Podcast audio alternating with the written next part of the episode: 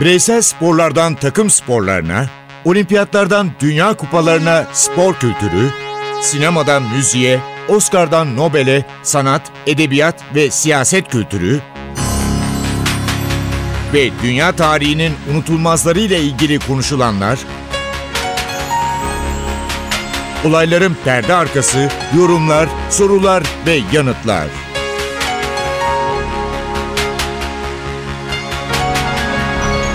Ercan Taner ve Mert Aydın'la Ateş Arabaları başlıyor.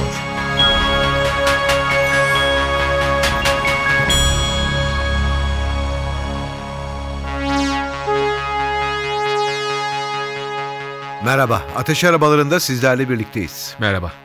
Amerika'da bayağı eskilere gideceğiz. Neden eskiler? Amerikan İç Savaşı ve kölelik. Köleliğin daha sonraki yıllarda spora yansımasına bakacağız. Hem de bütün dünyada.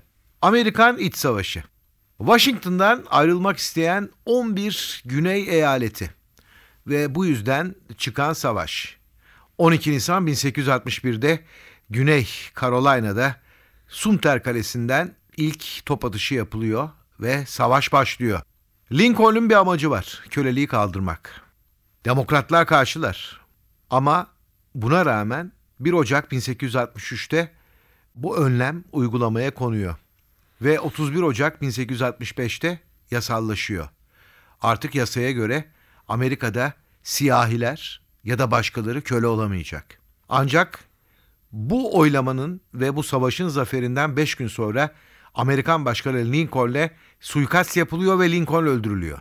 Tabii bu savaş genel anlamda doğal olarak işte köleliğin kaldırılması üzerine yapılan bir savaş. Çünkü Abraham Lincoln Amerikan başkanlık seçimlerinde zaten amacının ne olduğunu söylüyor ve seçilince de yavaş yavaş sıkıntılar başlıyor yapmak istediklerini açıklayınca. Ama aslında güney ile kuzey arasında kölelik bir bahane. Yani başka bir tartışma var. Çünkü kuzeyde endüstrileşme var, fabrikalar var, farklı bir yaşam biçimi var. Güneyde ise ağırlıklı olarak işte pamuk tarlaları, Pamuk, tarım. tütün, Tütün. şeker kamışı. Evet. Bu yüzden de işte gelişmekte olan teknolojiyi iyi kullanan kuzey ekonomik olarak da güneye ciddi bir üstünlük kurmaya Sağlıyor. başlıyor. Yani şimdi tabii ki işin güzel yanı o köleliğin kalkması kısmı ama yani öyle kuzeydekilerin de hepsinin böyle muhteşem insan aman işte siyahlar sorun değil kölelik kalksın diye düşündüğünü zannetmeyin. Ben eskiden öyle zannederdim romantik olarak ama öyle değil.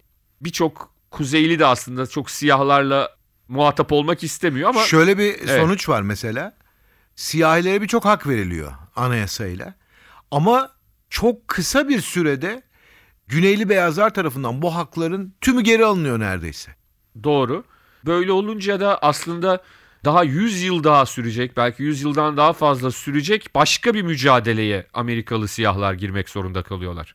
Yani işte Martin Luther King'lere, Malcolm X'lere kadar uzanan, Muhammed Ali'nin o isyanına kadar uzanan çok uzun bir dönem. Yani yine işte e, göreceli olarak kuzey eyaletlerinde işte New York gibi büyük yerlerde siyahlar göreceli olarak güneydekilere oranla daha iyi şartlara sahipler, meslek sahibi oluyorlar, birçok şey yapıyorlar ama güney eyaletlerinde hepimiz biliyoruz ki çok uzun yıllar hatta yani bugün bile çok sağlıklı olmayan yerler var ama çok uzun yıllar restoranlarda, arka masalarda, işte otobüslerde e, beyazlardan ayrı olarak oturtuldukları dönemler var. İşte hepimizin birazdan ondan da bahsedeceğiz ama hani çok iyi bir örnek herhalde Jesse Owens'ın olimpiyat şampiyonu 4 altın aldıktan sonra Başkan Roosevelt tarafından ki Roosevelt genelde işte hep olumlu algılanan bir başkandır Amerika'da. Direkt olarak Beyaz Saray'ın ön kapısından içeri alınmamıştır Jesse Owens. Evet, yani o yüzden bu mücadele iç savaşla sınırlı kalan bir mücadele değil. O iç savaşın sonunda evet kanunlar çıkarılmış, kölelik kaldırılmış ama ön yargıları kırmak 100 yıldan daha uzun süreler sürmüş maalesef. Dinleyicilerimiz mutlaka bu problemleri merak edecekler. Tarihe meraklı olanlar için Amistad 1997, Lincoln 2012, Django 2013, 12 yıllık esaret 2000 yine 13 yılında, The Birth of Nation bayağı eski bir Evet. film ve Mississippi Burning. Evet. Benim hemen aklıma gelen filmler mutlaka izlenmesi lazım. Bir tanesi diğerlerinden ilgili. farklı. Çünkü bir tanesi dediğim bir ulusun doğuşu. Birth of a Nation'la diğerleri arasındaki fark şu. Diğerlerinin tamamı Amerika'da siyahlara yapılan ayrımcılığı ve işte bir kısmı Amerikan İç Savaşı bir kısmı daha 1960'larda geçen filmler. Genelde ırkçılık karşıtı filmler ama e, bir ulusun doğuşu ırkçılık karşıtı bir film değil. Tam tersine ne güzel günlerde o günler diyen Demek. sessiz bir film. Sessiz sinema döneminde çekilmiş. 1915. David Wark Griffith'in yönettiği. O da o, o açıdan bakan bir film. Onu da söyleyelim. Yani şok olmasın insanlar o filmi izlediklerinde. Öyle ortamlar var ki 1940'lar 2. Dünya Savaşı'ndan sonra ya da 50'ler siyahilerin gittiği ve sahneye çıktığı gece kulüplerinde beyazlar gitmiyor. Beyazların gittiğine siyahiler alınmıyorlar. Ama o kadar büyük yıldızlar var ki Tabii ki. artık günümüze geldiğimizde Michael Jackson bunu yaşamadı. Ya da biz bilmiyoruz. Belki yaşamıştır. Yani şey olarak yaşamış olabilir. Yıldız olarak yaşamadı tabii ki ama çocukken sokakta neler yaşadığını bilmiyoruz. Müzik demişken, yıldızlar demişken o zaman aslında bu da çocukluğunda muhtemelen bunları yaşamış birisi karşımıza çıksın. Kadife sesli bir şarkıcı Nat King Cole. ve onun adı gibi unutulmaz şarkısı Unforgettable.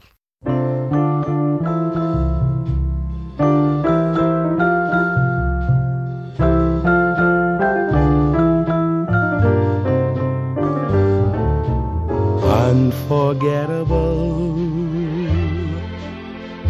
That's what you are.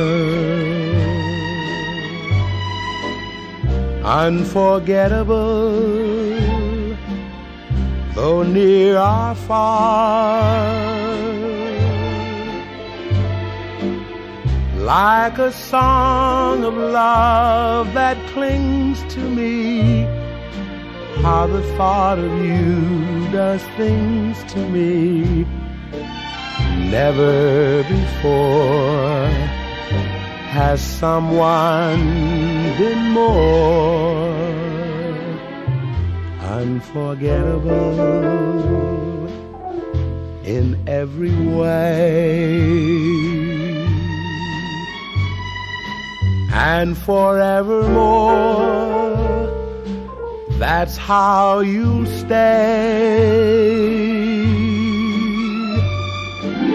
That's why, darling, it's incredible that someone so unforgettable thinks that I am unforgettable too.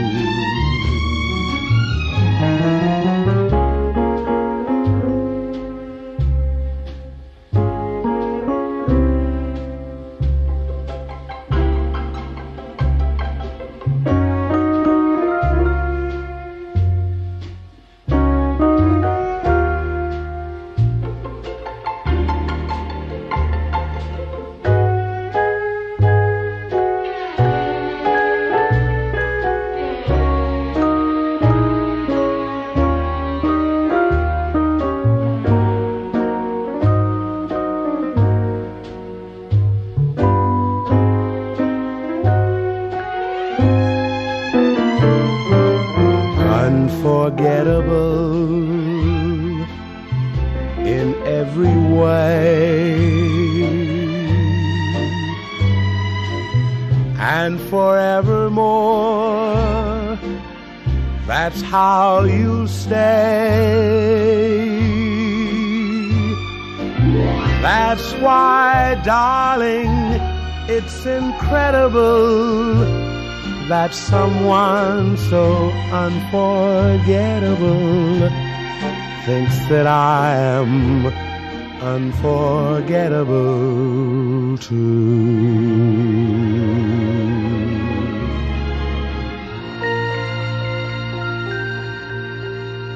Unutulmaz şarkıdan unutulmaz sporcuya geçeceğiz. Alabama'da doğdu. 8 yaşında ailesiyle beraber Ohio'ya yerleşti bahsettiğimiz isim Jesse Owens. Evet. Kendisi atlet. Şöyle de ilginç bir şey var. Asıl adı James. Yani bir de C e, bir kısaltılmış bir adı daha var. JC aslında. Ama Alabama aksanıyla Jesse dediği için herkes ona Jesse diyor.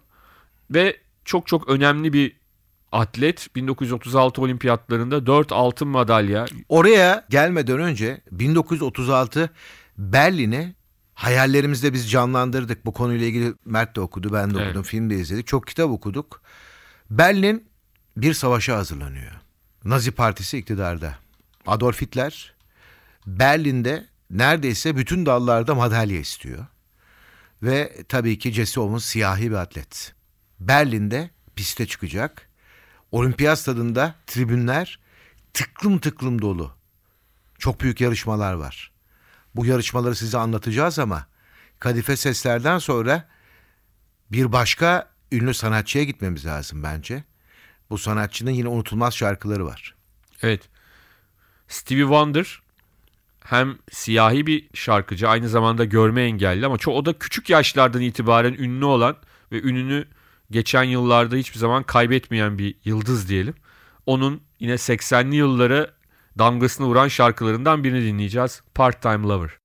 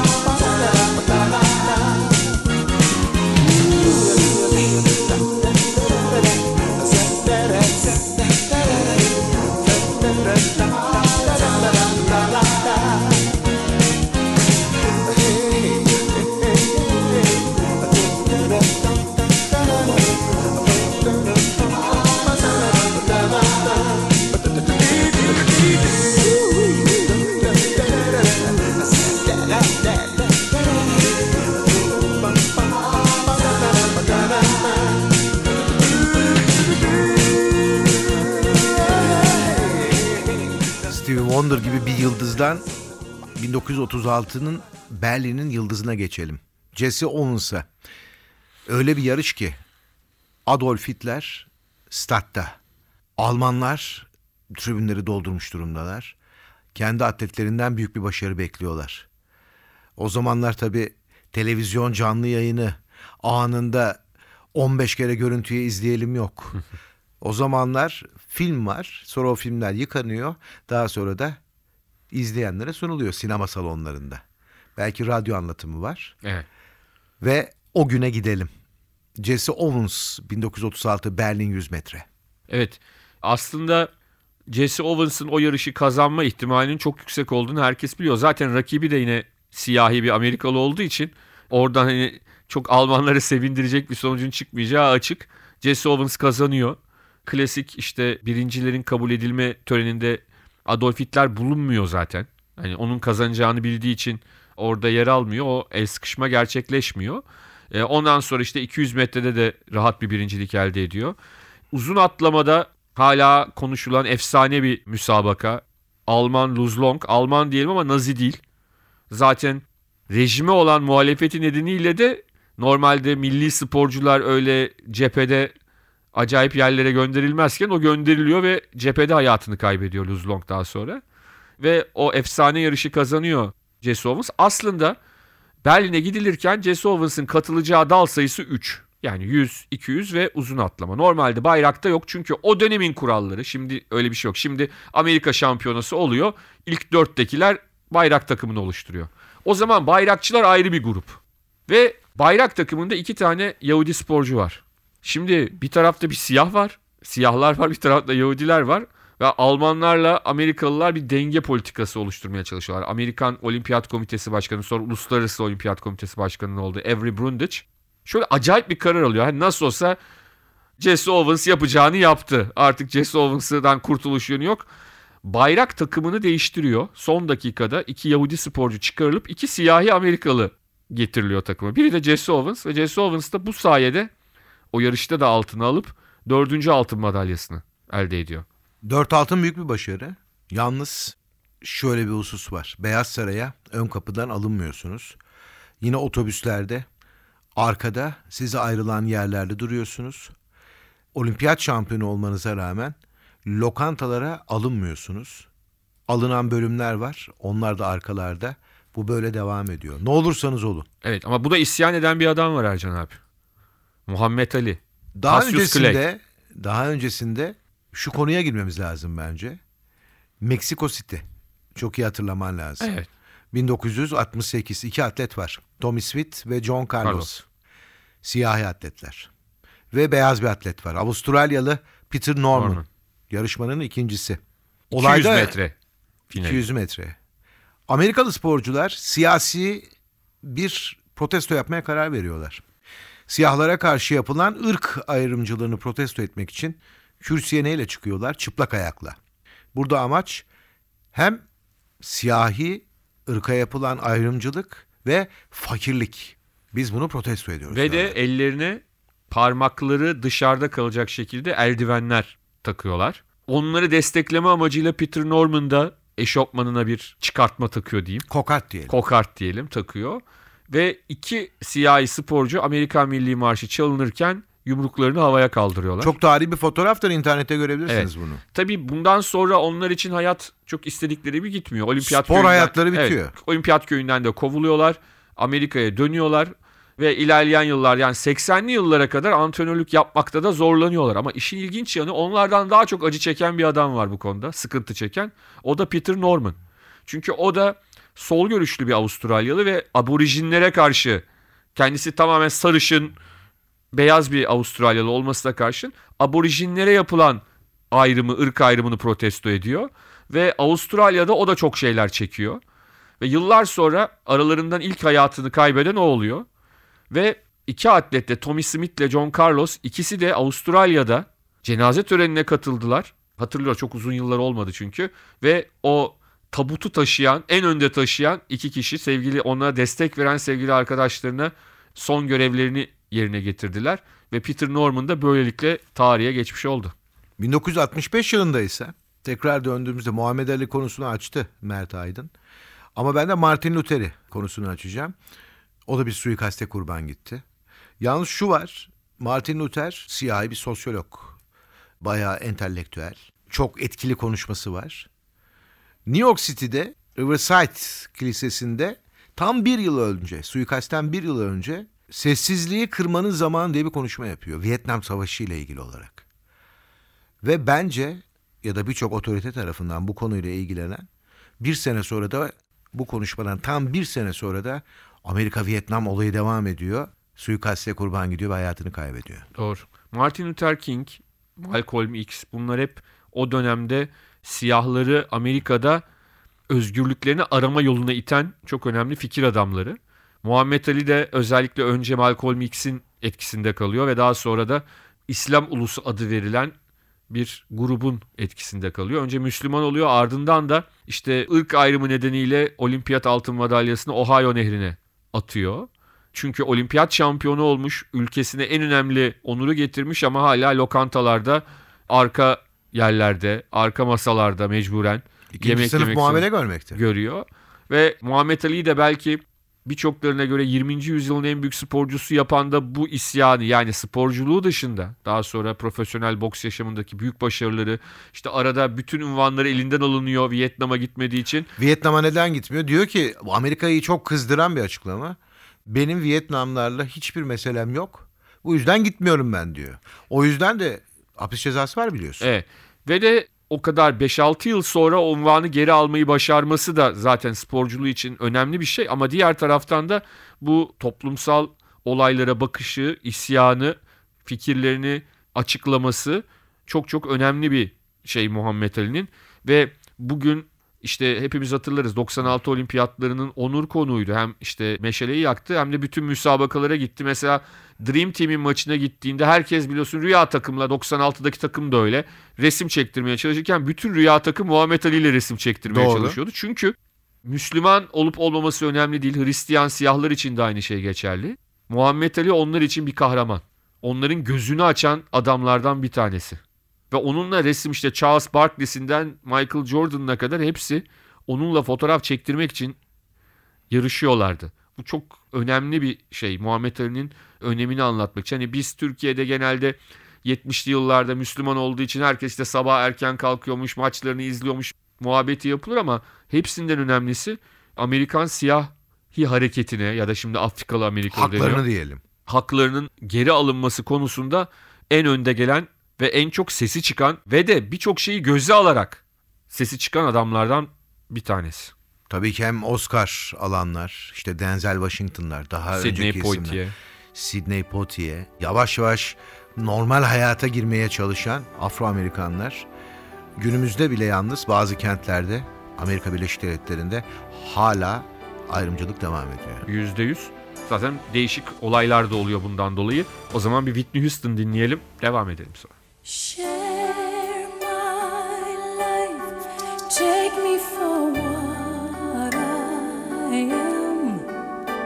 Cause I'll never change all my colors for you.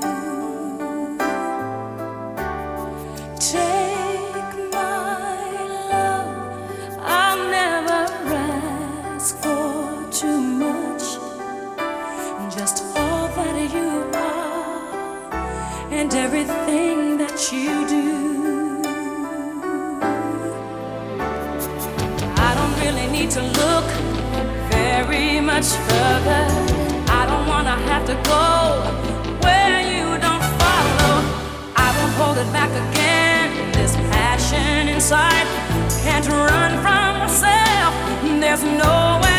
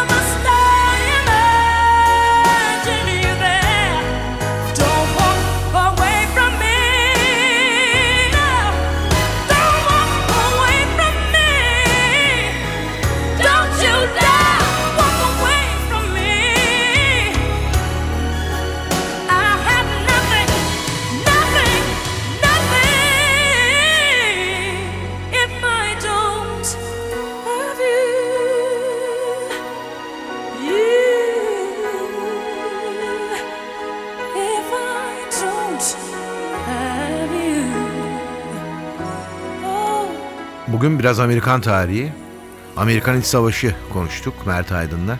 Ama öyle bir isim var ki o isimle size veda etmek istiyoruz. Kendi dalında müziğin kralı. Adı Louis. Soyadı Armstrong ve şarkısı. What a wonderful world. Hoşçakalın. Hoşçakalın.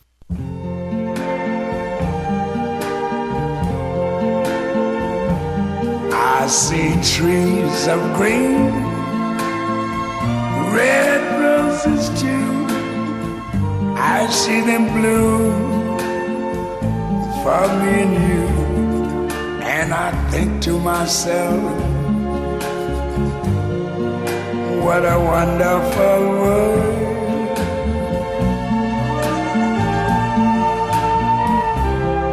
I see skies of blue and clouds the bright blessed day, the dark sacred night, and I think to myself, what a wonderful world.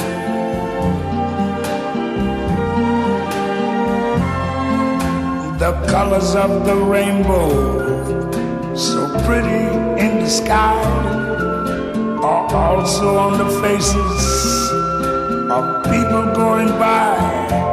I see friends shaking hands, saying, How do you do? They're really saying, I love you. I hear babies cry. I watch them grow. They'll learn much more than I never knew. To myself, what a wonderful world.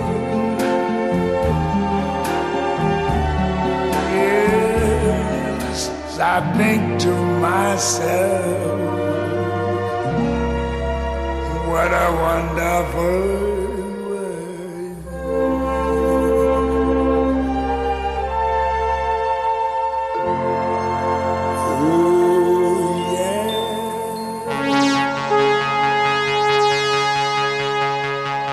Ercan Taner ve Mert Aydın'la Ateş Arabaları.